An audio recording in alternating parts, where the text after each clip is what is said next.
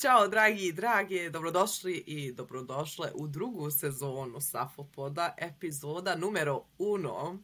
E, sa vama su danas, kao i prošle sezone, Dina i Milica. A, kao na početku svake epizode, e, prvo ćemo da započnemo čitajući poruke koje smo dobili od vas, a zatim ćemo prijeći na našu glavnu temu. Da. Dina približava se leto, da li znaš šta to znači? Ne znam šta to, to znači. To znači da ćemo da snimamo ovaj podcast sa više i više gole. Joj, da. da.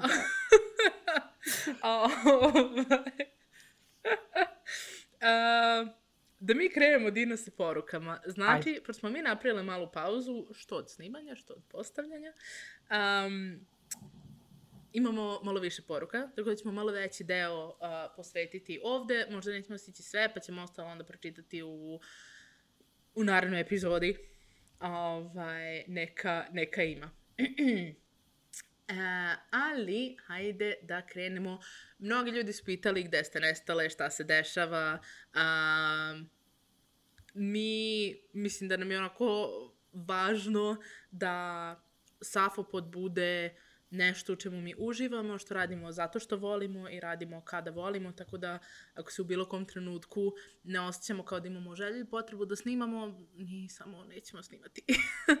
da. Um, A između ostalog bilo je dosta događaja koji su ono kao direktno uticali na nas, na naš život. Meni je iskreno trebalo vremena da se odmorim, da se posvjetim sebi, da se oporavim i da onda mogu ono kao zdrava prava sjest ispred, ispred vas i da razgovaramo o temama koje su nam svima od značaja. Tako da ono svakako hvala na razumijevanju jer kao što je Milca i navela na, na, na Instagramu mi smo aktivskinje prije svega i to nekad zahtijeva da naši prioriteti budu drugčije, drugčije poredani. Ali evo meni je drago što smo se vratili nam pokoni što ćemo, što ćemo da snimamo i da razgovaramo. I naravno, odmor je otpor. Odmor je otpor, da. A, e, pa hajde da pročitamo neke poruke. Kaže ovako. A, Ćao, prvo odmah da kažem da mi je mnogo falio podcast i epizoda je savršena kao i uvek. Ovo je vjerojatno bilo onako što smo izbacili desetu. A, moje pitanje je možda više za Dinu. A, pre nego što si shvatila da si rodno nebinarna, jesi li imala moment da si razmišljala da li je to to ili samo imaš drugačiji pogled e, na ženstvenost? Kao imali neki način da se prepozna ta razlika, da li je u pitanju nebinarnost ili samo drugačiji pogled na norme i ono što se očekuje od žena i devojaka. Hvala vam objema što se toliko trudite oko svega i što ste tako divne. Sjajno, hvala ti na pitanju. Mislim, ja prije nego što sam uopšte identifikovala ili prepoznala u sebi tu rodnu nebinarnost, ja sam zaista mislila da ja samo imam drugačiji pogled na ženstvenost, na na to šta znači biti žena u nekom heteropatriarhalnom društvu. Ja iskreno ne znam koja je razlika bila. Ja, ja razliku kod sebe što sam osjetila jeste to da mi je leglo. Kao da mi se neka puzla sklopila u meni. Kad se pogledam u ogledalo i kažem, hej, ja sam žena, ili kad kažem, hej, ja sam rodno nebinarna osoba, naprosto u meni to ima drugčiju težinu i izaziva neki dru, drugčiji osjećaj što je kao sasvim ok. Svako ima svoje iskustvo, svoju percepciju, svoj način na koji želi da se identifikuje. Ja sam od malih nogu znala, vrlo svjesno, da ja izlazim iz nekih društveno nametnutih okvira šta znači izgledat kao žena, biti žena, ponašat se kao žena, uloge koje su jel, primarno bile dodjeljene ženama, ono kao sve, sve nešto to bilo rašto i to samo od uvijek, od uvijek znala da izlazim iz toga ali nekako naprosto je više meni trebalo opet mislim moram da naglasim da kao nismo dužni da stavljamo na sebe etiketu ukoliko nam ona ne odgovara ili ukoliko se ne osjećamo ugodno, znači nikom to nismo dužni, ali meni kad sam čula za termin rodna nebinarnost, samo je leglo. I da sam rekla, ok, da, ja sam rodna nebinarna osoba. Čak sam imala jednu uh, fazu gdje sam razmišljala o tome da li sam trans muškarac, jer sam bila u jako velikoj konfuziji sa svojim rodnim identitetom i naprosto kroz čitanje, proispitivanje, ono razgovor sama sa sobom, sam naprosto došla do, do zaključka da sam rodno nebinarna osoba i to je to. Je to. hvala Dina. Nema na čemu. Mislim da ćemo ono posvetiti u jednom trenutku, možda celu epizodu tome, um, pošto mislim ima baš dosta da se kaže. Mm. A, meni je posebno zanimljiva um, rodna nebinarnost kao političko opredeljenje. Mm. Ovaj, tako da možemo o, o svemu tome da pričamo u nekoj Da. epizodi. Naravno. Ok, a, evo ga, još jedna poruka koja je malo malo kasnije, ovo je od 8. marta i vezana je za 8. mart. A, pa kaže ovako, od druga Đorđe. Uh, zdravo Dina i Milice, super vam je podcast samo napred, drago mi je da se konačno neko na ovim prostorima bavi temama koje vi obrađujete. Uh, mislim da bi ovo, Dan žena, mogla biti jedna veoma zanimljiva tema za neku narednih emisija, pa eto predloga. Nisam siguran kako bi protumačio i posljednji pasus sa storija pomenute stranice. I onda je poslao story od uh, kolektiva koji se, se zove Ženska solidarnost. Uh, pa bih hteo da čujem vaše tumačenje toga. Ko, e, konkretno mislim na ovaj deo gde su protiv trans slash rodnog aktivizma. Kako je vaše viđenje trans slash rodnog aktivizma na našim prostorima? Također možete li podeliti kako ste vi provele 8. mart za one pipke koji potencijalno nisu ispratili. Srdačan pozdrav, jedan od vernih pipaka. A, ja ću pročitati također a, taj, taj deo tog storija, da imamo kontekst. Znači, poenta je da se kotje koji se zove ženska solidarnost, naglasim da se samo tako zovu, zato što to sigurno i nisu, um, uh, odlučile da ne samo da se ne pojave na 8. martovskom maršu, uh, već i da organizuju tribinu uh, u isto vreme kada je 8. martovski marš i da kažu ljudima da uh, ne dolaze, da ne treba da dođu na marš. Um, u svakom slučaju, znači, posljednji pasus jeste E, sa tog storija kažu, za razliku od nekih organizatorki i organizatora, mi smo protiv svih oblika muškog nasilja i patrijarhalne kontrole nad ženskim telima, prostitucije, pornografije, surogat materinstva i sličnog. Žensko organizovanje vidimo kao ključni element borbe za oslobođenje žena, stoga smo protiv trans rodnog aktivizma. Branimo i stvaramo sigurne ženske prostore. A, dobro. A, ja, mogu ja? E, htjela sam tebi da prepustim. Izvoli. Ja ću rado. Um, meni je tragična pojava koja se zove ženska solidarnost. Pogotovo posle ovoga. Ja mislim, znači ja sam pričala sa mnogim svojim saborkinjama, aktivistkinjama iz Srbije koje su do tada bile kao ok sa njima. Um, I ko, znači, svi su izneverovali šta su one uradile i šta su rekle. Zato što svi su znali da su one terfice, a, za one koji ne znaju, trans ex, Exclusive radical ne- feminism. Da, ali ne znam kako bi prevela. Trans ekskluzivni radikalni feminizam. Odlično. A, da, o bože, tu ima baš krmljavina kod Da, tebe. kod nas je baš uluja sad trenutno. Shit, Ja se nadam da okej. će sve sa zvukom biti okej. Hoće. Um, znači, u svakom slučaju, one su organizacija koja je veoma TERF, od početka su bile TERF, one su satelit jedne od najvećih TERF organizacija uh, kod nas i um, znači niko nije mogao da veruje da su one zapravo, zapravo to uradile za 8. mart. Uh, ja mislim da su one vrlo jasno pokazale sa kojim su ženama one solidarne, a, sa, sa cis belim ženama, pozdravila ih njihove drugarice sufražetkinje, koje su isto tako samo sa bogatim cis belim ženama se družile i za njihova prava se borile.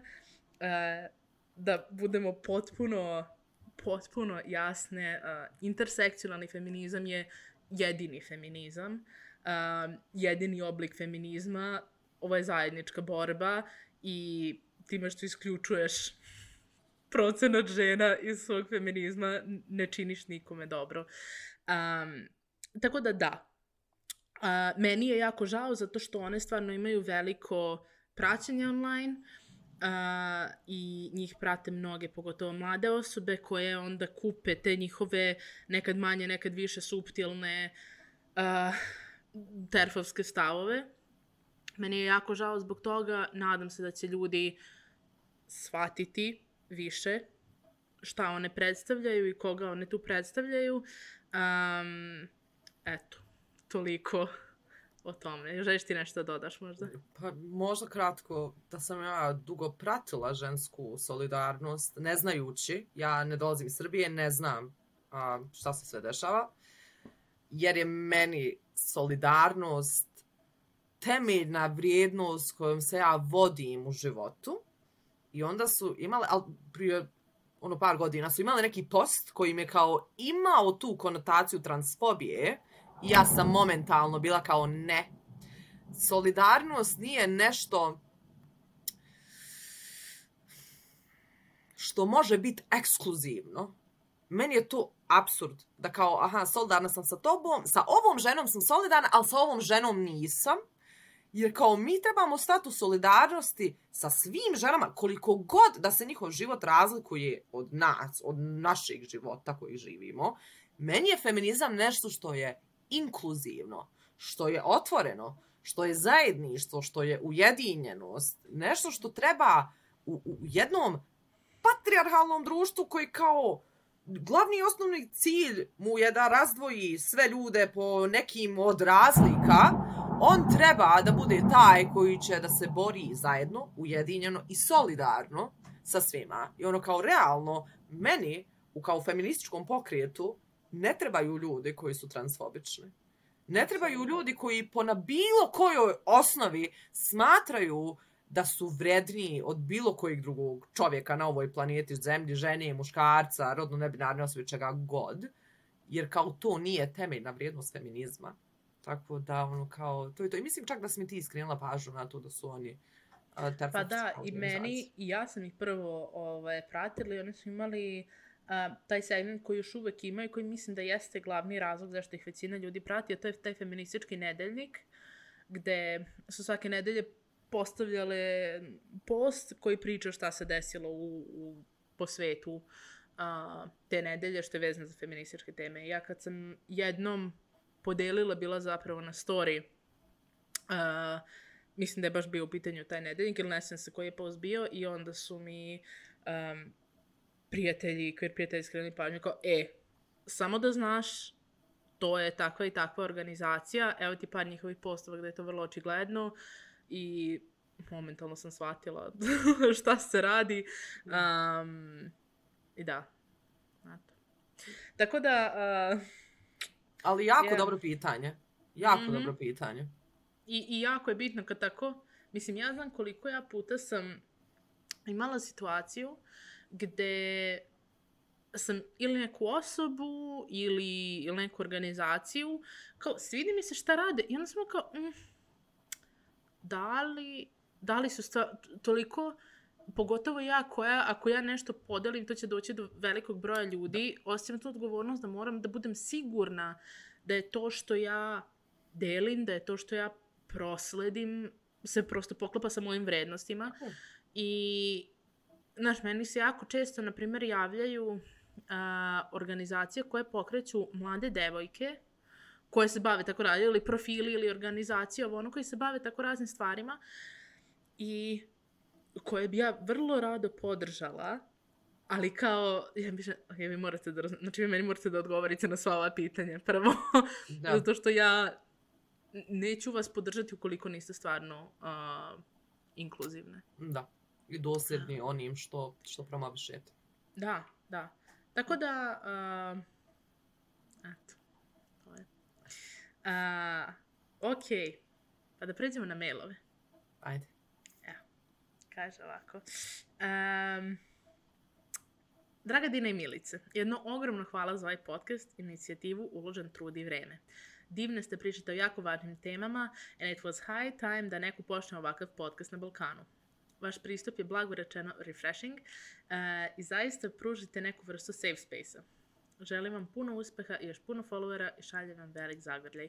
Pijes imate od mene poziv za kafu slash piće ako ste za, odnosno možemo prvo u dužu šetnju ili na piknik pa da vidimo kako ćemo dalje. Pozdrav iz Novog Sada, easy. Ja, hvala ti puno. Hvala tebi na slušanju. Mislim, ono kao, bez vas nema ni nas, a možemo dogovoriti svakako. Svakako da. kafu, šetnju, šta god, šta god da odgovara. um, ok, onda imamo još jedan. Ajde, pa ćemo ostalo ostaviti za sljedeću epizodu. Kaže, pozdrav Dina i Milice. Uh, ne trebate cijeli mail čitati naglas na podcastu, može samo bistvo. pa ćemo da vidimo da li ćemo izvući neku. Ali mislim da je dobra tema, tako ću ga pročitati celog. Okay. Um, kaže, čestitam na tako super podcastu, veoma sam sretna da možemo slušati queer content koji nije na engleskom jeziku, sa kojim se malo lakše identifikujemo. Mi iz Exiju država, keep it up, oba dvije ste super. Uh, mislim da je uh, ova devojka iz Slovenije, to sam da kažem.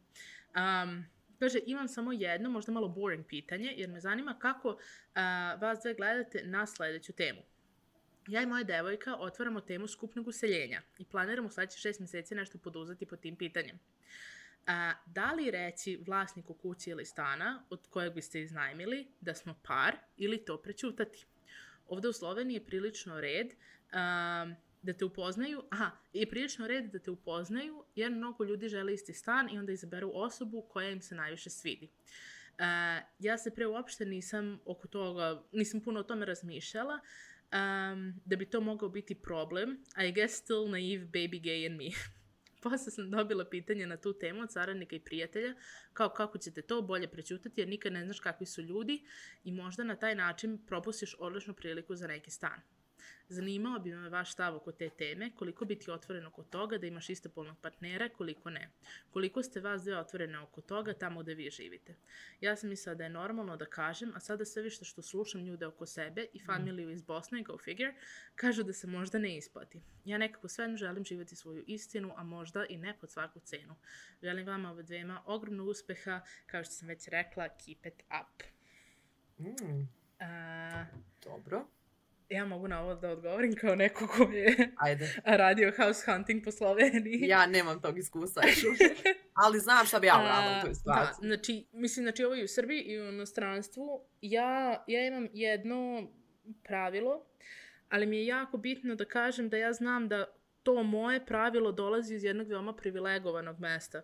I objasnit ću to. Znači, ja uh, uvek kažem mislim, pogotovo kad sam se useljavala sa svojom partnerkom, um, znači uvek kažem, moja partnerka, ja, moja devojka, ja, kako god. Um, i, I razlog zašto kažem jeste zato što je meni jako važno da ja ne dajem pare i ne finansiram nekog homofoba. E, I to je, to je taj deo koji je jel da, vrlo privilegovan, zato što ja mogu, ja sam u takvoj poziciji uh, da sam generalno, nije mi bilo da ono, da kao po svaku cenu moram negde da živim, kao moram da nađem nešto što je ili u nekom cenovnom rangu, na, na, na. Obično sam imala prosto tu slobodu da mogu da između više stvari biram i ja bi lično radije izabrala da živim u nekom, ajde da kažemo, manje dobrom ili manje idealnom mestu, radije nego da dajem pare nekome ko je homofob. Uh, tako da, što se toga tiče, ja lično iz nekog mog moralnog stanja sam uvek to radila. Uh, znači, i u Srbiji, i van Srbije, to je, to je bilo neko moje pravilo. Uh, ali, mislim da je vrlo bitno na prvo mesto staviti sigurnost. Uh, znači, ako misliš da ćeš biti u opasnosti, ako nekome kažeš da si kvir, nemoj reci. Vrlo, vrlo jednostavno. Um, I takođe, ako prosto nisi u situaciji da možeš da priuštiš da te neko odbije, um, onda, onda slobodno prećuti i uvek možeš reći da se cimerke, bukvalno, mislim, to je sad, jel da, da, da ne izgovorim slučajno prednost patrijarhata, što kao, jel da, ne mogu dve žene biti zajedno. Um, to što čak i ako je moment kao jedna spavaća soba, jedan krevet, kao ljudima je skroz normalno da dve devojke kao koji su samo cimerke dele krevet. Um, tako da u tom smislu kao obično neće posumnjati ako si u situaciji gde, gde moraš da kriješ. Ja lično nemam iskustva u potrazi stana. Znači ja živim u svom stanu od kad znam za sebe i nemam nikog ko mi ga izdaje, niti sam imala iskustva, niti ono kao priliku da se uselim sa, sa djevojkom. Ali ja bi išla iz iste pozicije kao i Milica. Ne bih prešutila, jer ne želim da dajem nekom novac ko, ko je homofob, naprosto iz tog razloga, ali opet stojim uz to da sve bitke mora da biramo. Kao ako je to nešto hitno, ako se nema privilegije da se jel, neki duži vremenski period traži stan ili neko ko, ko je queer friendly, onda mi je sasvim okay da se, da se prešuti radi vlastite sigurnosti, jer nažalost, mislim, queer osobe su postavljene u tu poziciju da moraš da biraš, ono kao, ok, šta, je bitnija moja sigurnost ili bitnije da živim svoju istinu. Uh, I možda bi ono kao, ne znam, kao neki generalni savjet, ako poznaješ osobe koji su queer i koji su u tom dijelu, mjestu tražili stanove da ti mogu dati neki, neki savjet ili možda čak neku preporuku, da su one bile kod nekoga ove, koje, koje je friendly svakako iskoristiti što da ne. Mislim da, da naša zajednica je jako otvorena za dijeljenje, pogotovo takvih informacija jedni drugima i ono kao želimo ti svu, svu sreću da pronađete stan i mjesto koje će vam odgovarati, koje će vam biti sigurno i stanodavca ili stanodavku koja će biti ono friendly friendly s vama. I onda da vam dođemo na kafu i to je to. da, mislim, uh, šanse su da nećete naći neko ko je kao friendly, ali ćete možda naći neko koga boli uvo. Da. Što je najčešći slučaj. Uh, tako da, hope for that. da. Uh, pa Dina, da se nas predstavimo. Ajde, Milce. Ajde. Um, da ja krenem, a? Hajde. uh, mi smo, evo sam da najavim, znači mi ćemo promijeniti malo koncept zato što smo mi vama već rekli sav svoj horoskop minus jednog um, minus jednog znaka to, to da ne biste mogli da nas ureknete. Heksujete. um, mi, mi smo odlučili da u ovoj uh, drugoj sezoni e, uh, sa vama delimo uh, neke citate, izreke, izjave, bilo šta uh, koje, koje volimo na početku svake epizode. Um, tako da to ćemo, to ćemo da uradimo. Pa kaži. Uh, ja sam Milica. Ja sam uh, cis queer žena. Uh, ona je njena zamenica dok se setim što se govorimo. Dugo nismo snimala. I uh, moj citat, blagi backstory, uh, većina ljudi zna za uh, izreku, bar u, u Srbiji, um, ako je bal neki maskembal, jel da? Uh, ja sam u jednom trenutku od svoje najbolje drugarice čula mnogo bolju verziju toga, koja je od onda postala jedina verzija koju koristim. Um, I pošto mi je nekako takav mood ovih dana, onda ako je bal, nek se jebe i princeza. Fenomenalno. Nisam to da sam čula. da. Sjajno. Hvala ti, Milice. Ćao, ja sam Dina. Ja sam lezbijka i rodno nebinarna osoba. Moje zamjenice na bosanskom, hrvatskom i srpskom su ona njeno, a na engleskom she and they.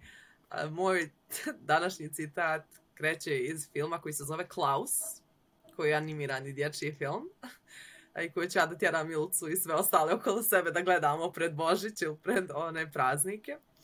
A, dakle, u filmu e, dva puta se ponovila ova rečenica koja je meni dobra, koja je ostavila trag na mene, to je da jedan nesebični čin će uvijek potaknuti drugi. I mislim sa time, time vodim od kad sam gledala taj film i taj film sam šest hiljada puta pogledala i opet ću ga pogledati jer mi je onako pravo dobar. Tako da to je moj citat za danas, da neke stvari koje radimo ne, ne treba uvijek da radimo iz bilo kakve lične koristi, nego iz čiste nesebičnosti i dobrobiti za drugoga, to će nam definitivno nekad u životu biti vraćeno. Možda ne na isti način, ali definitivno hoće. To je to. To je jako lepo, Dina. Da, pa i Dina, većina će moji biti crtani filmova. Znači, Može, moj će vjerojatno biti iz nekih ono spoken word poetry, pošto je to moj fetiš. Dina, šta je naša uh, glavna tema danas? E, glavna tema danas jeste da ćemo igrat Nikad nisam, nikad nisam. Vi to Ali, prevodite el... sa Nikad nisam? Da, tako se prevodi Never have I ever. Mi smo ga rasto tako prevodili ako, Ajde, ja ti verujem. ako je to tako. A, tako da možemo, možemo krenuti, Milca, ako si ti za. Ja sam potpuno za, posle tako wholesome citata idemo na Queer Never Have I Ever. Da, ovo je edicija LGBT. Kaže, nikad nisam, nikad nisam čuo da mi je neko rekao ili rekla da je to samo faza. Hmm. Ja jesam. Ja nisam sigurna, zato što nije, nije bilo tim rečima. Bilo je više kao, bilo je proispitivanje, bilo je kao, pa jesi sigurna ili kao, nis, nismo mi baš sigurni da si ti zapravo gej, ali mislim da nikad nisam čula da je faza. ja sam e, baš čula, znači ovu rečenicu, to je samo faza. Ono, negdje na početku pronalaska svog identiteta, na početku mog coming out procesa, koji je ono kao maraton, jel, nikad istrčan, do kraja života će da traje. Da sam više puta čula, to ti je samo faza, izrašću iz nje, jer kao mnogo ljudi misli da, razumiješ, ti sa 15 godina ne možeš znat u potpunosti ko si i šta si Ali možeš znati da si straight. ali možeš znati da si straight. Znači, ako si straight, možeš, možeš da znaš, ono kao od malih nogu, ali ako ono, si dio LGBT zajednice, onda si u konfuziji, zbunjen, to ti je faza, to je in, to je trendy i tako dalje. Tako da jesam čula. I iskreno, zbog toga mi je jako dugo trebalo da prihvatim svoj identitet. Jer sam uvijek očekivala da će prestati, da će sad jedan dan probudit i da će kao, a da, pa ono je bila sjajna faza, idemo dalje, koja je iduća. Odne, međutim, nije. Nije, nije. Odne, tako da da, ja sam čula Mhm. tačno, tačno ovim riječima. Ja sam čula nešto što sad shvatim da u stvari u prenesenom bi moglo biti, a to je, čula sam, pa dobro, to je za vas mlade. Što Da. u teoriji u nekom drugom neće biti mlada, pa će onda to je kao neka faza života, ali... Da. Da, okej. Okay. Ok, next. A, nikad nisam, nikad nisam kupila Pride merch. Jesam. I ja sam guilty. Ja sam u nekom trenutku čak bila ambasadorka jednog Pride brenda. Čak mislim da možda još uvijek imam taj discount code negde. Možemo neki merch da nabavimo. Sjajno. Ali ispričat ću priču o mojoj prvoj uh, Pride zastavi. Aha. A, koju, ja bi ga nije mi sad pri ruci da je pokažem, ali u stvari uopšte nije Pride zastava, nego je samo jedna marama koja je tako kao watercolor uh, dugine boje. Znači nije uopšte zapravo. Pride zastava, samo je nešto tako. I to sam našla, znači, a, situacija je Stockholm, ja imam 18 godina, ne, nije Stockholm, Göteborg. Uh, ja imam Dobro. 18 godina i idem tamo da se nađem s nekim društvom. Dobro. I oni kažu, e, super, idemo na neku žurku večeras. Ja rekao, cool. Um, I m, kažem, kao, nisam ja ništa tu puno mislila, u jedan truku oni kažu, žurka je, žurka organizuje organizacija koja se zove Wish You Were Queer. I ja kao, u, baš super. I tema je bila kao Hawaiian nešto. Dobro. I mi kao, dobro, ajde idemo u neki second hand, ono tamo u Göteborgu, kao taj dan, da nađemo neke ono košulje, razumeš, nešto da obučemo. Ne nađih ja na kraju ništa tu da obučem, ispozemljivala sam od nekog, ali sam tu u tom second handu našla tu maramu šarenu i uzela je sobom i evo, do, do dana današnjeg je Nice. imam. Imam sada i pravu, pod navodnicima, ovaj pravu, Pride zastavu, ali nekako ta će uvek biti moja. Da, moj prvi Pride merch. Ok, zapravo nisam prvi kupila. Bila je jedna neformalna organizacija koja je djelovala na, na području Tuzle, kad sam ja tad imala jel, 14 godina. I meni je u mom sandučiću, znači ja nisam bila ni na kakvoj queer sceni, ni na bilo čemu. Meni je u sandučiću došao stiker a, kao dvije nacrtane djevojke gore srce iznad, ali srce je bilo kao lezbijskim bojama. Mislim, to je haos u mojoj kući proizveo, jer su moji roditelji mislili da ja njima šaljem neku poruku time i sad sam se ja ubila pravdajući da ja to nisam stavila u sandučić. Ali to je bilo prvo i dan danas imam i dan danas to čuvam. Ali mislim da sam isto u, u Štokholmu, da sam prvi put uzela neki kao Pride merch, da li je to bilo kao neki badge ili nešto, jer me to kao baš, baš mi je nekako bilo značajno. A, naravno, mislim, mi sad možemo pričati kao rainbow capitalism i zašto to ne valja, ali da. nećemo, bitno je da jesmo. Bitno je da jesmo guilty as charged, što bi se rekla. da. Ok, Milce. Nikad nisam, nikad nisam proispitivao, proispitivala svoj rodni identitet. um... Ja nikad. Ja nikad. ja... Uh, rodni identitet nisam. Uh, rodnu ekspresiju jesam. Mm. To smo rekli da ćemo jednom posvetiti celu epizodu Da. tome da sam ja ono, taj moment kao, ja moram da budem više gej, znači moram da budem više buč, ovaj, i ti momenti. Da, jer postoji pravi način kako biti gej. Reci ti to, malo i meni. A, ja jesam proispitivala svoj rodni identitet, obviously. A, ali tek nakon što sam u potpunosti prihvatila svoju seksualnost i, i to mi je jako fascinantno da se desilo kao poslije. Kao prihvatila sam, ok, da, lesbijka sam i onda kao, u, ua, sad neko pitanje roda. Tako da jesam ovaj dugi, dugi niz godina i onda sam prošle godine zapravo u potpunosti prihvatila i integrisala taj dio onaj rodne nebinarnosti. Tako da, je, da jesam, da. Ono, naravno, bilo je preispitivanje seksualnosti i svega, a ja se stalno nešto preispitujem. Naravno, onaj ko, kao što, sasvim- ko što i valja. Sasvim, okej. Okay. Ja, ja ne verujem ljudima, pogotovo straight ljudima, apsolutno ne verujem a, da su straight ukoliko mi kažu da kao, pa ne, ja se nikad nisam preispitivao. Onda nisi straight. Ne računa se. I invalidate their identity. Milce, neki ljudi samo znaju. Samo znaju. Mhm. Ok. E, Kaže, nikad nisam, nikad nisam izašla iz ormara. Nisam. No, ovo je The Closeted Podcast. U stvari ja nama stavljamo ono blurring filtere i modulatore na glas za svaku epizodu. Uh, jesam, da, ja sam imala više coming outa i imat ću i sigurno još toliko, ako ne i više.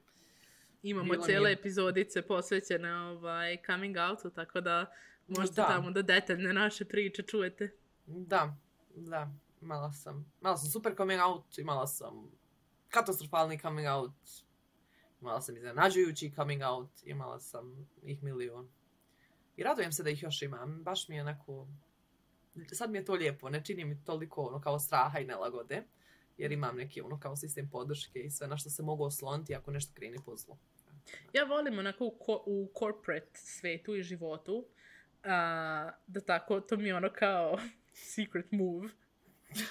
Zato što su ljudi šokirani, kao znaš, cool su, ali kao ne očekuju uopšte i samo tako šokiraju. Ovaj, kad kažem kao, jep, Yep. E, pa ljudi generalno ne dožive toliki šok kad im ja kažem. Ali dobro. ok. A, nikad nisam, nikad nisam doživio ili doživjela diskriminaciju zbog svog LGBT identiteta. Ja jesam. Na milion Uh, ja jesam. u milion područja od poslovnog, od obrazovnog, od zdravstvenog i to kao diskriminacija, kao različit tretman mene za razliku od drugih ljudi koji su prisutni u istoj prostoriji. Ono, znalo mi se dešavati da poslodavac ili poslodavka neće da me zaposle zbog toga što sam lezbijka, jel? Mislim, to se odnosi na to što sam ja, jel, defektologiju završila, pa ono kao rad s djecom. I da ja Što ne bi trebalo imati ikakve veze, naravno. Naravno, ali šta je tu je? U obrazovnom sistemu da sam se uvijek uzmala kao primjer nečeg što je nepoželjno, kao kad smo radili prijedme psihijatriju, pa smo kao izučavali određene jel, poremećaje e, seksualnog, kako god da su ga već nazvali. Lezbejstvo je moj omiljeni poremećaj. Da, apsolutno, ako treba bit ću. Ali do zdravstvenog da ono, imam jako velik problem da idem ginekologu ili ginekološkinje, s obzirom da sam uvijek dosta bila diskriminirana kada odem na pregled, da kao ili mi se ne posvete kako treba, ili me ismijavaju kad ja kažem da želim da imam djecu, ili ono kao naprosto, mislim, imaju i oni komentari, znaš, bolesno se treba da se liječiš. Tako da, nažalost, nažalost jesam, ali tu sam da se borim protiv toga i da, da vidimo šta možemo uraditi po tog pitanja. Ja, Recimo, mislim... mi smo prvu presudu u Bosni i mhm. Hercegovini da se zaista desila diskriminacija nad LGBT osobama imali tek 2021. godine. I tu u aprilu. A zakon uh, o zabrani diskriminacije se promijenio 2019. godine. Znači, uh, e, 2009. pardon, uh, e, 2009. Znači, trebalo nam je toliko da imamo zvančnu presudu da je ono izvršena diskriminacija nad LGBT zajednicom. Tako da, da, i diskriminacija je nešto što se jako teško dokazuje, ali ono što je dobro kod diskriminacije jeste što je druga strana dužna uh, da da dokaze da te nije diskriminirala. Znači, nisi ti ta ili ta, barem kod nas, nisi ti ili ta koja treba da dokaže da si bila diskriminirana, nego druga strana treba da dokaže da te nije diskriminirala. Da, da ima Tako neki da, drugi razlog da šta god. Da, evo, ne znam, neki, neki fun fact, valjda. educational fact, nije toliko fun, ali educational. um, da, ja sam imala onako, kako kažem, dobro, to je uvek izraženo, uh, mislim, na queer događajima, na Pride i slično, Um, I, Bogu hvala, mi živimo u državama koje nas sistematski diskriminišu. ovaj, uh, tako da samim time što postojimo kao građanke naših država, mi jesmo diskriminisane. Um, ali, možda je to jedna razlika što ja nikad nisam imala na poslu Mm, diskriminaciju u, u korporativnom smislu. Šta više, nekada je bilo, tipa, ne znam, imali smo neke uh, uh, neko kao privatno zdravstveno osiguranje na poslu i onda je bilo kao mogu da se besplatno ili kao neku malu doplatu uh, kao bračni partneri isto prijave uh, i onda sam ja rekla uh, pošto imali to kao neko predavanje o tome kao šta se bla bla bla prezentaciju šta god benefite ja sam se javila i kao, dobro, ja ne mogu da se udam za svoju partnerku, šta mm. sada?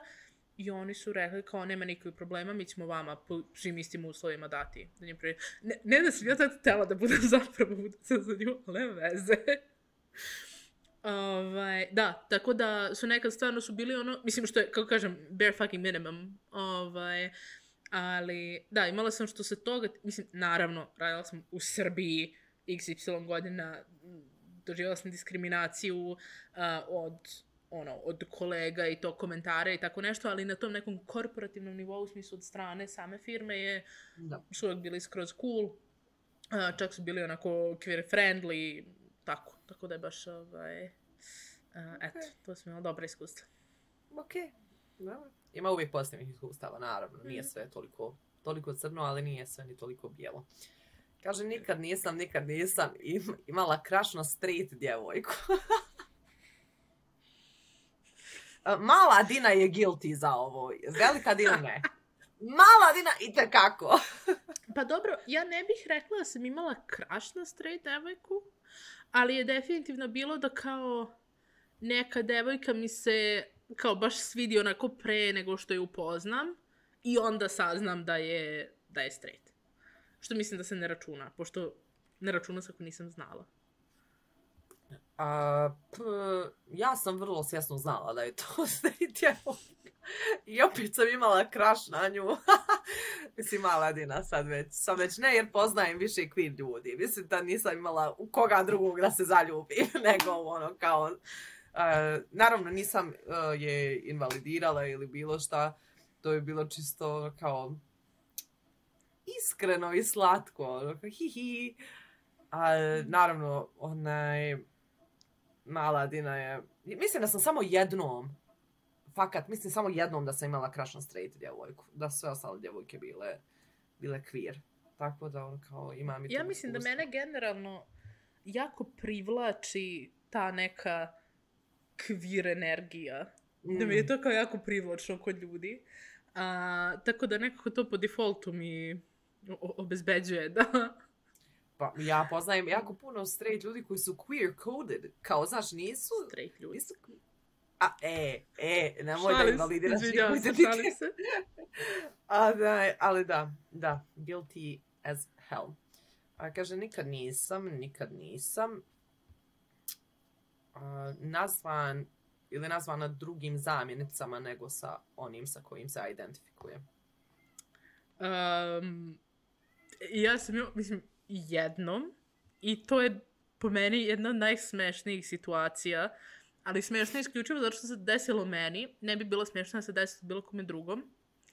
I bio je pokušaj vređanja i diskriminacije. Ovaj, I to je bilo na Prajdu u Beogradu 2000 i ne sjećam se koje.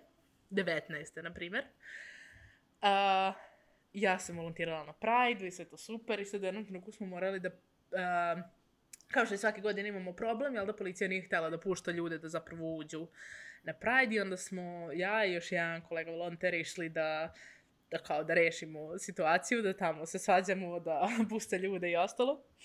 I ja sam došla i sada je tu bio, ja, on je bio valjda kao, ispalo je posle neki kurac tu. Nije bio načelnik policije, ali neki tu glavni od tih tu šabana.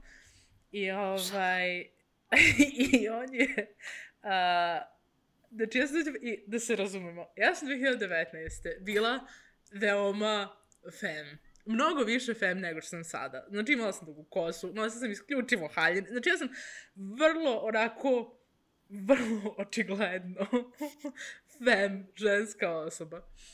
I uh, meni kad je došao taj policajac, kad sam mu ja rekla kao, znaš, ja kao morate puštiti ljude, na, na, na. I onda je meni kao, uh, ti, gospođo, gospodine, šta god da si. I ja koja sam, znaš kao, mogla sam da zamislim njega koji je dan pre, ono, pred ogledalom vežbao. kao, šta će da izgovori? šta će da kaže da uvredi bilo koju okvir osobu koja mu priđe? Mislim, prvo, ja, mislim, uh, ja bi se uvredila da, da neko misle da sam pošto iju, ali, ali se, naravno, ne bi uvredila kao da sam trans, pošto stvari je ništa loše, ali taj, taj pokušaj uvrede je bio jako smešan. Um, da, to je moja priča. Ja jesam ja dugo već. Ona, imam taj trenut, čak i ono kad sam mala bila od 15. godine da me često ne kaže dječak, momak, um, on, ok. Um, I recimo sad imam ja, jako velik problem na granicama, na aerodromima, uh, kad idem kod advokata ili kod notara, da kao, jer ja ovakva se ne podudaram Haman sa slikom u svojim ličnim dokumentima.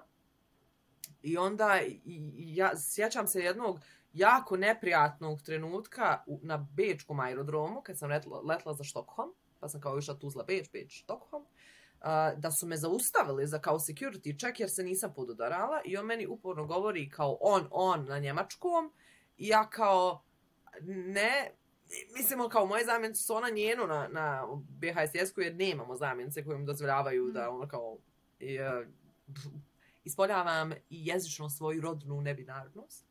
Na sam njemu kao objašnjavala da kao nisam nisam muško, nego da sam žensko, da bi on doveo neku drugu e, ženu da me pregledaju i tako dalje. Baš je bilo pravo neugodno. I sad ovaj zadnji slučaj uh, iz Banja Luke, mislim kojim ne želim, ne želim puno da se vraćam, ali bio trenutak kada e, sam ja trebala da izađem iz e, policijske uprave I jedan policajac tu govori, de kaže, odvedi i pogleda u mene. Sama sam ja tu stojala. Njih. Odvedi njih. Kao negdje sad, dok treba da ide, neko pala. Tako da Kao da, weirdly ima, gender affirming. da, weirdly gender affirming, rekao da. Onaj, tako Correct. da ja sam, ja iskreno ne, ne uzimam to uh, kao uvredu. Mi razumijem da, da nekom da, apsolutno. Uh, ja ne. A, ne znam, nekako mu bude slatko što, što izbunjujem svojom pojavom, što ti, šta god da si, uh, i onda kaže, možeš samo da me ono kao oslovljavaš mojim imenom. Ti, gospodine. šta god da si. Biće što god želim. Tako da da. okay. Idemo dalje. Nikad nisam, nikad nisam se pomirila sa bivšom. Pomirila kao da smo opet u vezi. Kako god ti to definišeš. Um, Ja nisam. Tako. pa, ni ja nisam. Ali u, u smislu da smo bile opet u vezi, da se pomirila kao... Nisam se nikad ni posvađala sa nekom bivšom, tako da... da ne. U svakom Mm, obliku nisam- ne. Nisam ni ja. Ok. Nikad nisam, nikad nisam prevarila djevojku. Nisam. Djevojku, jel nisam? Da, devojku ne. Vidjela sam kako u mozgu procesiraš taj trenutak. Aha, djevojka ne. trči. Ne, nisam ni ja, nisam ni ja. Vraćamo se na onaj naš jedan video Loyal as Hell. Tu kaže had a pregnancy scare, deba. Uh, jesam. Ok, nikad nisam, nikad nisam imala pregnancy scare. Ne znam kako da to prevedem. Kao strah od trudnoće.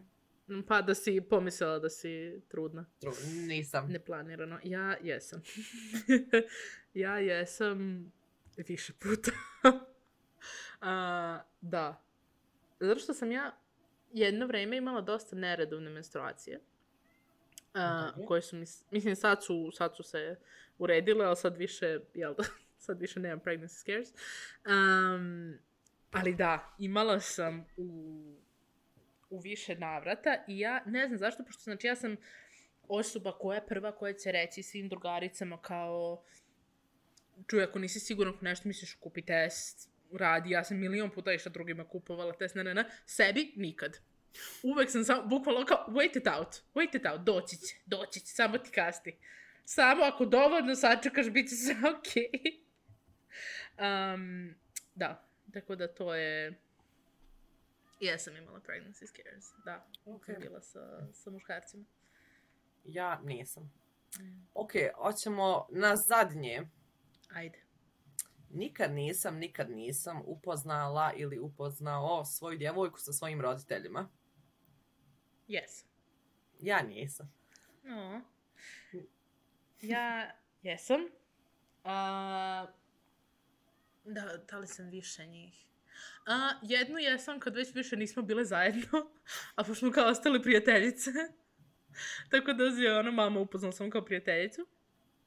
A, ali a, jesam, apsolutno. Mislim, moji su skroz cool. Um, generalno, e, mislim da su moji onako vrlo vokalni oko toga da li se sviđaju partnerke mene, moje braće. Dobro, sad oni su već oženjeni, tako da... Um, ali da.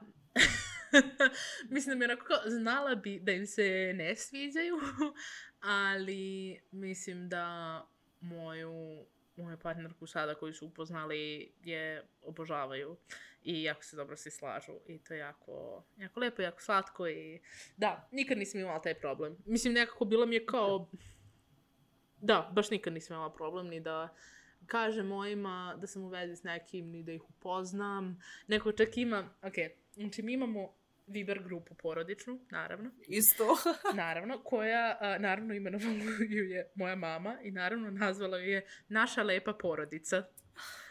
Znači, um, no, u svakom slučaju, naša lepa porodica je otprilike rite of passage. Kao, kada je neko zapravo kao ozbiljna je veza u onom trenutku kada te mama ubaci u, u grupu. Dobro. I, i moju sadašnju partnerku su ubacili pre, ne znam, pre, neko, pre možda pola godine. Znači, bili smo već dobre dve godine zajedno. ovaj, kad su bacili, da, onda je bilo kao, onda smo officially ozbiljna veza. Zato što je ona u, u naša lepa porodica. Ok, sjajno. Gde uglavnom moj tata šalje glupe mimove. Ali okej. Meni tata isto. Tu su tate i mame i Viber grupe. Neko univerzalno iskustvo izgleda. Da. Da, ja nisam imala priliku. Mislim, upoznala su jednu djevojku, ali su je upoznali kao drugarcu. Isključivo, jer tad nisam bila autovana onaj Mhm. nikome. A, sad već ono kao jesam, mislim da ne bi imala problem s tim. Ali kao nisam dosta imala to iskustvo i malo me plaši, malo me u nervozi, kao ja znam da će oni biti cool. Mislim, ja njima sad sam već došla do stadijuma gdje mogu da im kažem da imam nekoga, mislim nekoga, ono kao, ej, imam djevojku, ono kao došli smo, i da malo razgovaramo o njoj, kako izgleda naš odnos, šta se dešava. Mm -hmm. I onda kao uvijek su rekli, ono, e, dobrodošla je kod nas, kako želite da dođete, ono, bujrum i, i, i tako. Ono, ali nisam imala tog iskustva i pravo se mislim, radujem da ga, ono, nadam se da ću ga imat i da, da vidimo kako će to proći. Biće, sam polako, biće. Tako da, eto. Eto, to je to za nice. Never Have I Ever. Ovo je bilo baš zabavna epizoda. I like it. Da, sjajno. Mm, drage, naše, dragi naši, uh, ako imate neke ideje što želite da pokrijemo, koje teme želite da pokrijemo, uh, vi nam pišite, pošto nam uvijek fali inspiracije. A sada imamo jedan very special treat. Uh, naš uh, redovni segment uh, Fun Fact, Fun Educational Fact with Milica uh, se za današnju epizodu, pošto je danas poseban dan, uh, prebacio u Fun Educational Fact with Dina. Uh, tako da, Dina, šta želiš lepo da podeliš sa nama? Je, hvala ti Milice. Pa meni je bitno na glas da mi danas snimamo ovu epizodu i ona će izaći vjerovatno poslije, ali danas je 2. april, a što je svjetski dan podizanja svijesti o autizmu. I meni je jako bitno da iskoristimo ono kao našu platformu da možda kažem koju riječ o tome šta je autizam, koji su to mitovi koji se vežu za, za autizam i negdje da pokušamo da, da, da, da damo jedan narativ koji će biti podržavajući, koji će biti inkluzivan i koji ono kao nikog u konačnici neće izostaviti. Tako da eto, znači 2. aprila se obilježava svjetski dan osoba sa autizmom.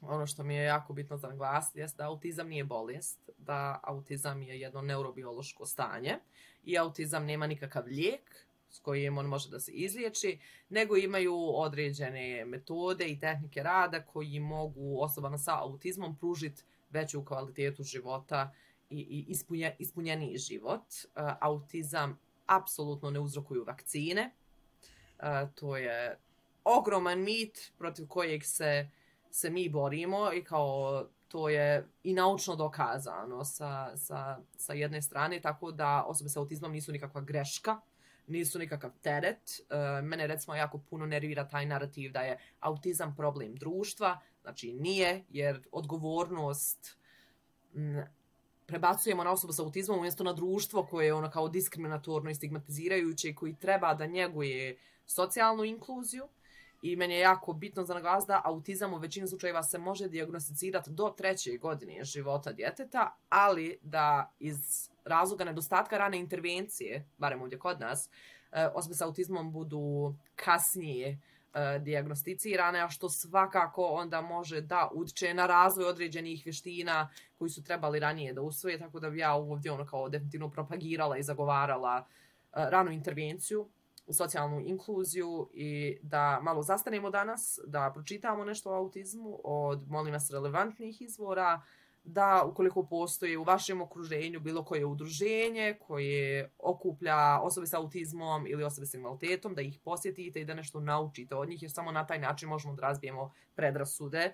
Ima velika stigma oko toga da su osobe sa autizmom agresivni, da su antisocijalni, što kao u mom iskustvu, kako direktnog rada s njima, tako i poznavanja osoba sa autizmom je apsolutna neistina eh, da osobe sa autizmom dolaze u jednom spektru, Tako da znate da autizam ne pogađa svaku osobu isto, nego da, jel, u skladu s tim kako je spektar, svako će drugačije da ispoljava simptome ili elemente autizma u ovisnosti kad i kako i da nam nedostaju diagnostički kriteriji za djevojčice.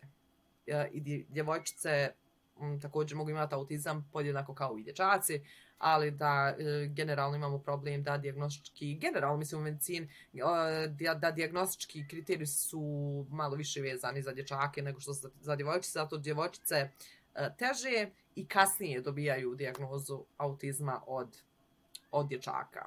No. I, I eventualno da, to kad si rekla da spektrum da ono što je sve često čuje, znači da ne delimo ljude na visoko funkcionišuće i nisko funkcionišuće. Tako je. Da, zato što kada se iskoristi ta riječ visoko funkcionirajući, odmah se ide pod pretpostavkom da podrška nikakva nije potrebna. jer ti si visoko funkcionalni, kao ti se dobro hendlaš s tim, ti to dobro nosiš, što je apsolutna neistina. Uh, isto podrška, ona kao socijalne sredine, nije ništa što je benefitarno, nije ništa što je privilegija, nego je to podrška kao i svaka druga. Niko od nas ovdje na svijetu ne živi sam, pa tako ni osobe sa autizmom i bitno je da mi kao društvo imamo e, pristupačne usluge, da imamo i tu ranu intervenciju, da imamo socijalnu osviještenost i u konačnici socijalno poduzetništvo koje je jako bitno za kasnije zapošljavanje osoba sa autizmom i da oni ne pripadaju u bilo kakvim institucijama, izolovani, segregirani, nego da pripadaju u našem društvu, jer su oni dio našeg društva, to su naši građani i građanke, drugovi, drugarice, komše i komšinice i dužni su da imaju ravnopravan tretman kao i, kao i svi ostali. Tako da... Hvala to ti, Dina, što si to sa nama podelila sve. Nema na čemu. Da. Uh, pa eto, dragi naši, dragi naši, Uh, hvala vam puno što ste bili uh, sa nama u ovoj epizodi Safopoda. Uh, vi nama možete da u svakom trenutku pišete na Instagramu ili TikToku at sapfopod ili na email sapfopod at gmail.com um, još što kažem obično na kraju? Ja sam, ja kao da sto godina nisam. Vidimo se u idućoj epizodi. Ćao! Vidimo se u idućoj epizodi. Ćao! Ćao! Ha ha ha.